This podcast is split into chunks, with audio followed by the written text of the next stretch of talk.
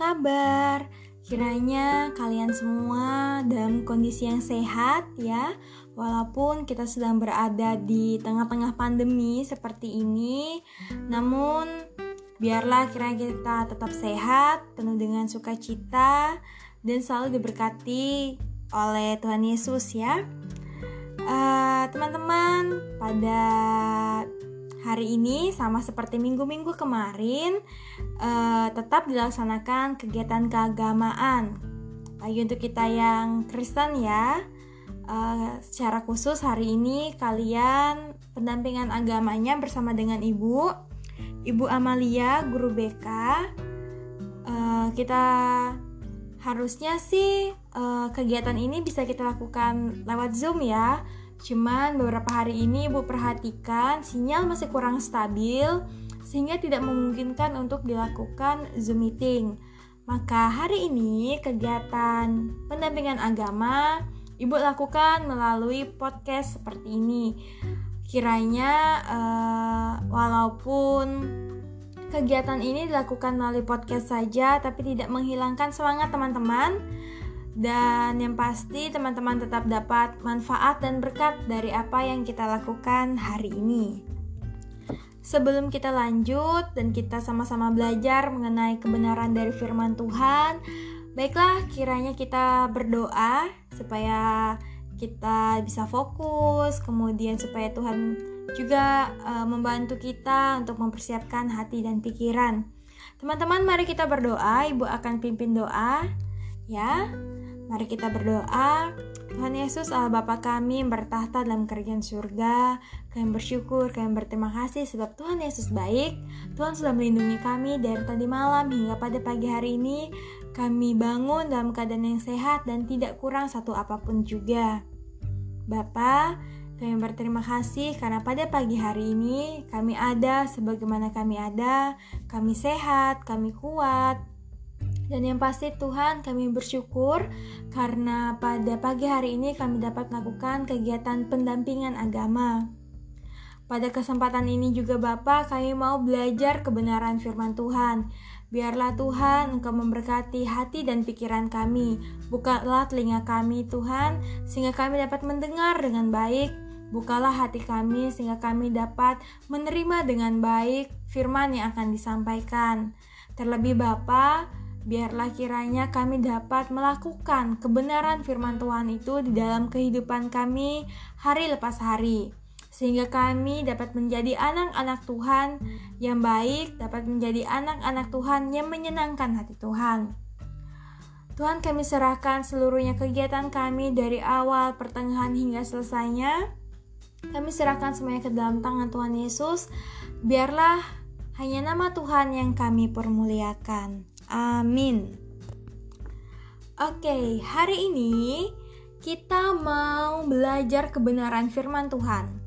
Dan temanya hari ini adalah love atau kasih ya. Jadi, minggu ini Ibu mengambil topik love atau kasih. Mungkin kita semua sudah sering ya dengar kata-kata kasih, kata-kata love. Mungkin buat yang sudah punya pacar, sudah sering nih ngomong I love you ke pacarnya. Atau yang punya orang tua nggak sungkan untuk bilang I love you mama papa gitu ya.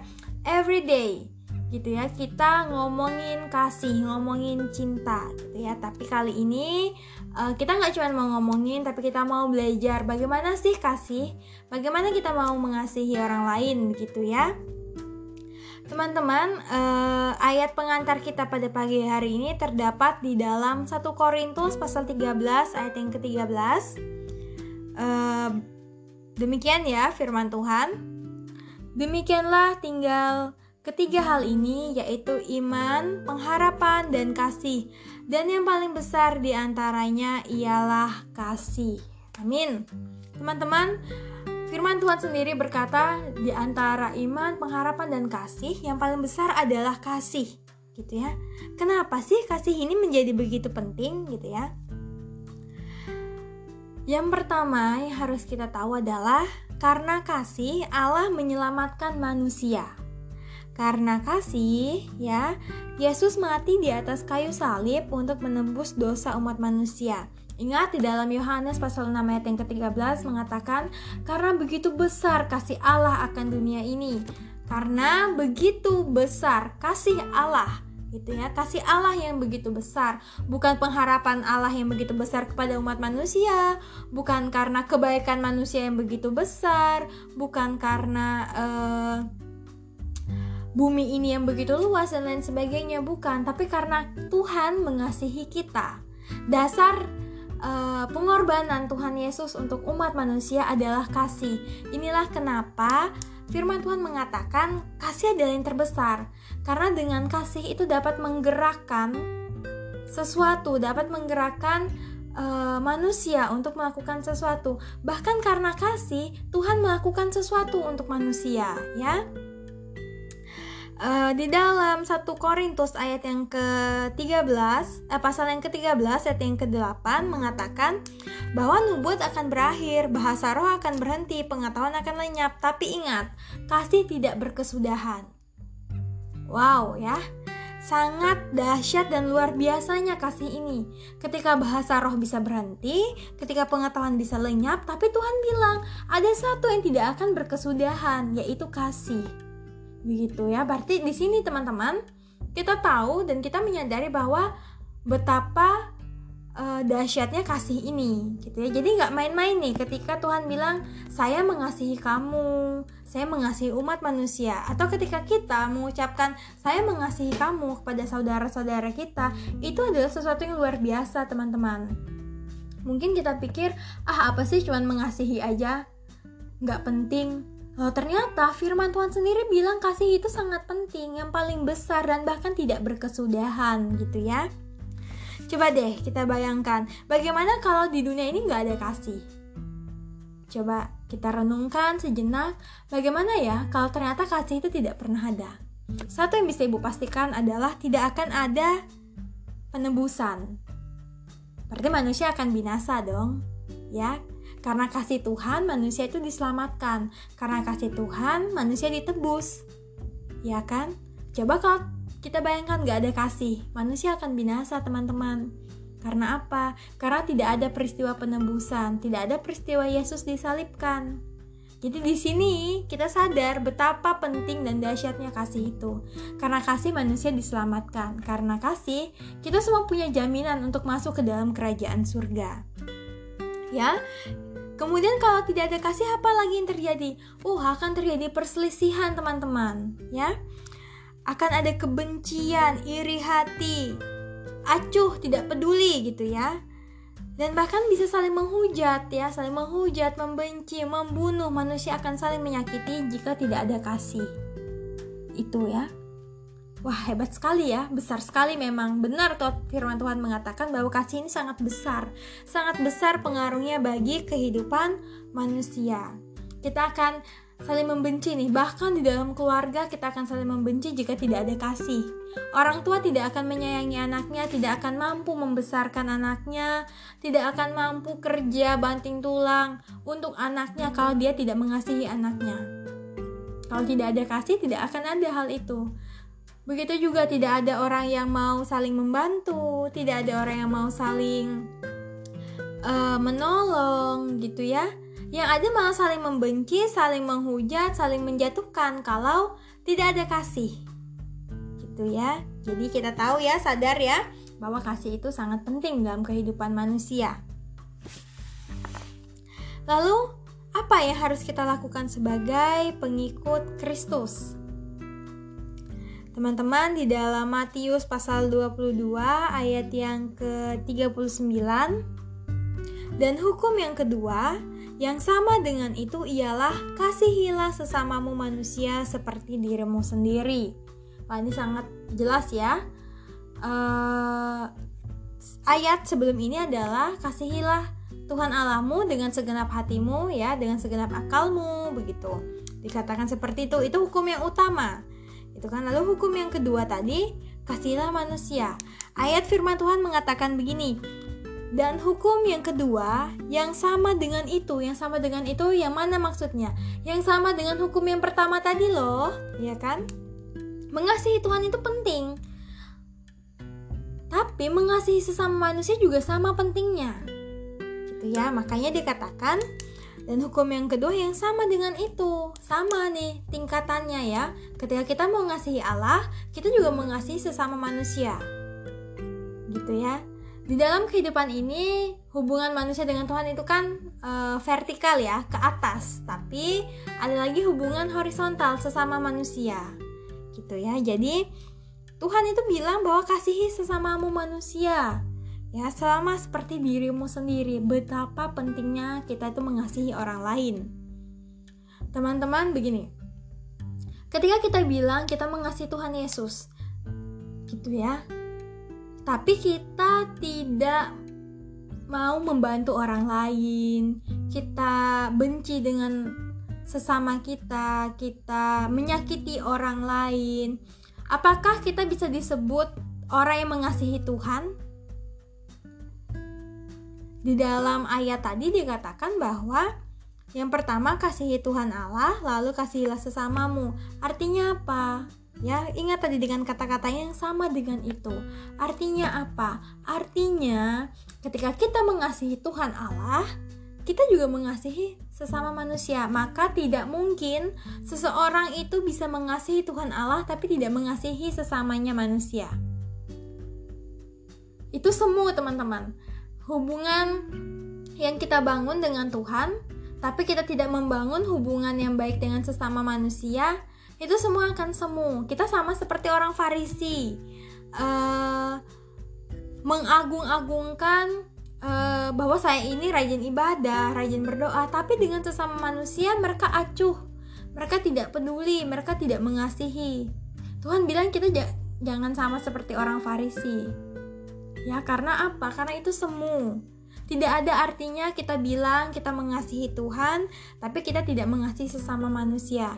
Tidak ada artinya kita setiap hari berdoa, baca Alkitab, tapi dalam kehidupan sehari-hari kita benci dengan si A, kita benci dengan si B, kita tahu nih tetangga kesusahan, padahal kita punya kemampuan untuk menolong, tapi kita nggak mau nolong. Kemudian kita kasar dengan orang lain, kita uh, sumpah serapah dengan orang lain. No, teman-teman. Itu nggak ada artinya nih. Doa yang kita ucapkan, uh, baca firman Tuhan yang kita lakukan tuh tidak ada artinya. Karena di dunia ini ya, hubungan kita dengan manusia itu adalah bentuk implementasi, bentuk penerapan kita itu mengasihi Tuhan. Tuhan itu tidak terlihat, ya kan? Tuhan tuh tidak terlihat, tapi tetangga kita terlihat loh, ya kan? Masa sih kita bisa bilang kita mengasihi Tuhan yang tidak terlihat, tapi tetangga kita di sebelah rumah yang lagi kesusahan, kita nggak lihat, kita nggak bantu.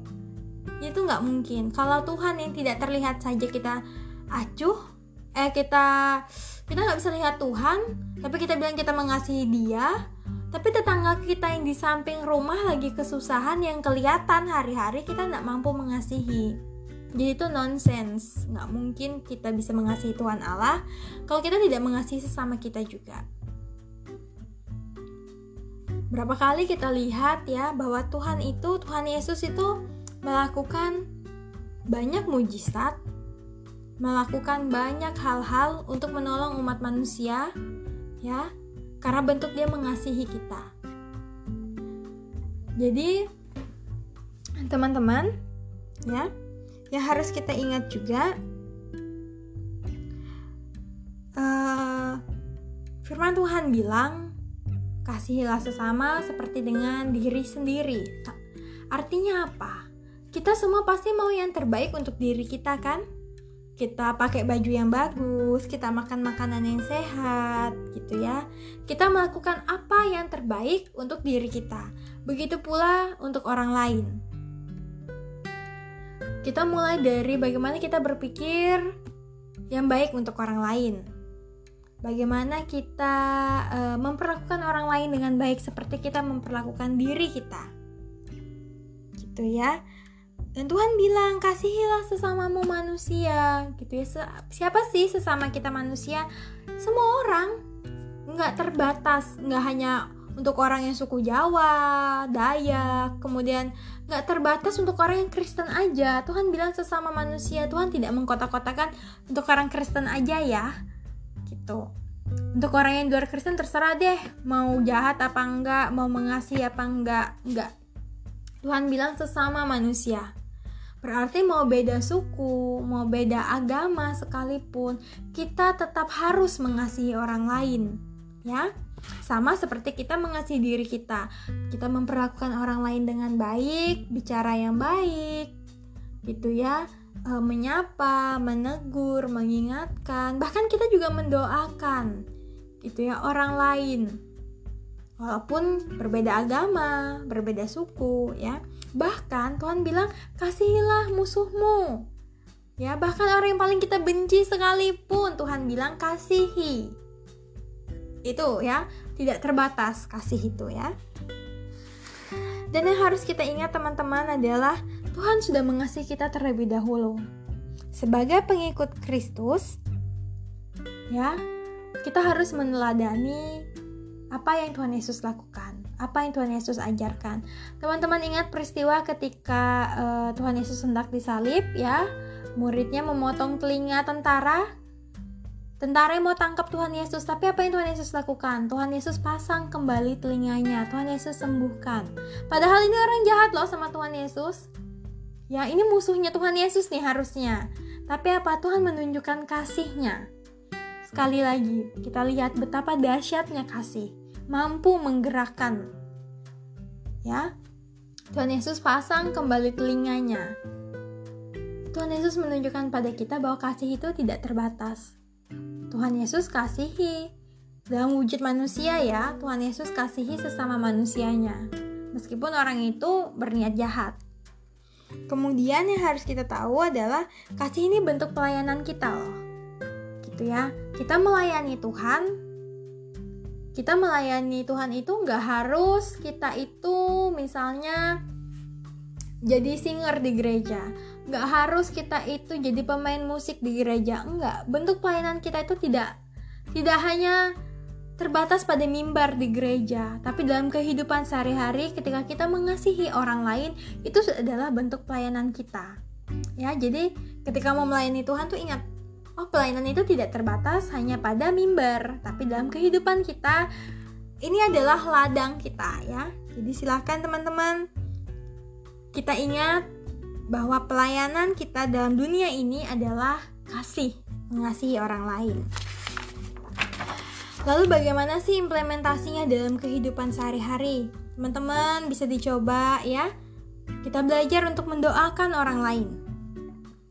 Meskipun kita nggak senang nih sama orang itu, kalau kita tahu dia sakit, marilah kita doakan.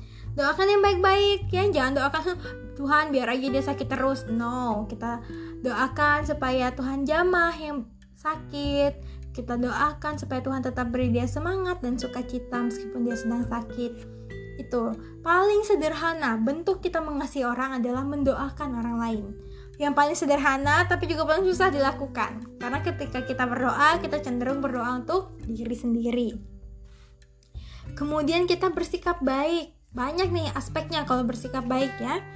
Bisa mulai dari kita menyapa orang lain, kita menegur ketika dia berbuat salah, kemudian kita mau menolong orang lain gitu ya, tidak berkata kasar. Ini adalah bentuk-bentuk kita mengasihi orang lain. Teman-teman sebagai remaja, sebagai anak muda ya ketika dalam pergaulan sangat mudah nih kalian untuk mengimplementasikan apa yang namanya kasih. Ketika teman kalian kesulitan, misalnya dia belajar nih susah nih nggak paham-paham kalian mau meluangkan waktu untuk mengajari teman kalian kemudian bersikap sopan kepada guru kepada orang tua ya itu adalah bentuk kalian mengasihi.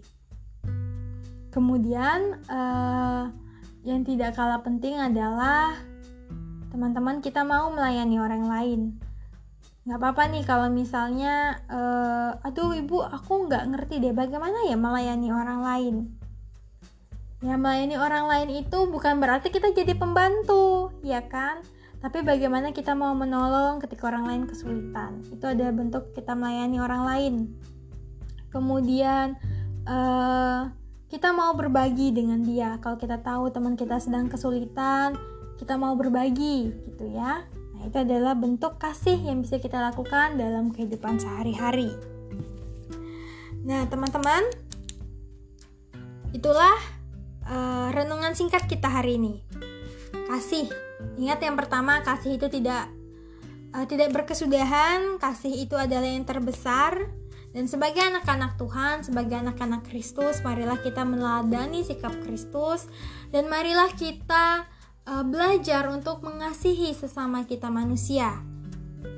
Mulai dari hal kecil dan sederhana, yaitu kita belajar untuk mendoakan orang lain. Dan satu ayat sebagai penutup kita pada hari ini adalah terdapat di dalam 1 Korintus 16 ayat yang ke-14. Ini adalah ayat kesukaan ibu, ayat favorit ibu. Lakukanlah segalanya dengan kasih. Let all that you do be done in love. Jadi biarlah apa pun yang kita lakukan, lakukanlah dengan kasih sehingga itu tidak menjadi berat. Ketika kita mau mendoakan orang lain, lakukanlah dengan kasih supaya kita tidak bersungut-sungut. Ketika kita ingin membantu orang lain, lakukanlah dengan kasih supaya kita tidak membantu dengan bersungut-sungut, tidak membantu dengan susah hati. Ya. Kita bersyukur ya biarlah kiranya firman tadi tidak berlalu begitu saja tapi dapat kita uh, renungkan siang dan malam, bahkan dapat kita lakukan dalam kehidupan kita sehari-hari. Teman-teman, ini adalah akhir dari kegiatan perenungan kita hari ini. Uh, mari kita berdoa. Sekali lagi, kita mau berdoa uh, menutup kegiatan pada hari ini. Tuhan Yesus Allah Bapa yang baik, Allah yang mengasihi kami, Allah yang rela mati di atas kayu salib untuk menebus setiap dosa kami. Kami bersyukur kami sudah mendengarkan kebenaran firman Tuhan. Biarlah kebenaran tadi tidak berlalu begitu saja, tapi dapat tertanam dalam hati kami, bahkan berbuah dalam kehidupan kami. Kami bersyukur Bapa, biarlah kiranya Engkau menuntun kehidupan kami. Ajarilah kami Tuhan agar kami dapat mengasihi orang lain seperti kami mengasihi diri kami sendiri. Ajarilah kami Bapa agar dalam kehidupan kami kami dapat melakukan segala sesuatu penuh dengan kasih. Supaya kami tidak bersungut-sungut lagi Tuhan. Ketika kami membantu orang, kami tidak bersusah hati. Ketika kami mau berbagi, kami tidak merasa kurang. Kami hanyalah manusia biasa Tuhan, tapi biarlah rohmu yang sempurna yang menuntun kami, yang melengkapi kami dalam kehidupan ini. Terima kasih Bapa, terima kasih Yesus untuk kebenaran firman-Mu. Inilah doa kami, kami bersedia berdoa. Haleluya. Amin. Teman-teman, terima kasih karena telah mendengarkan podcast ini. Biarlah kita semua bisa saling mengasihi satu dengan yang lain. Dan yang pasti, marilah kita tetap penuh dengan sukacita dan penuh dengan semangat dalam menjalani kehidupan kita sehari-hari. Secara khusus kalian sebagai pelajar, tetap semangat, tetap penuh dengan sukacita dan yang pasti ingat, marilah kita saling mengasihi sebab Tuhan sudah mengasihi kita. Terima kasih.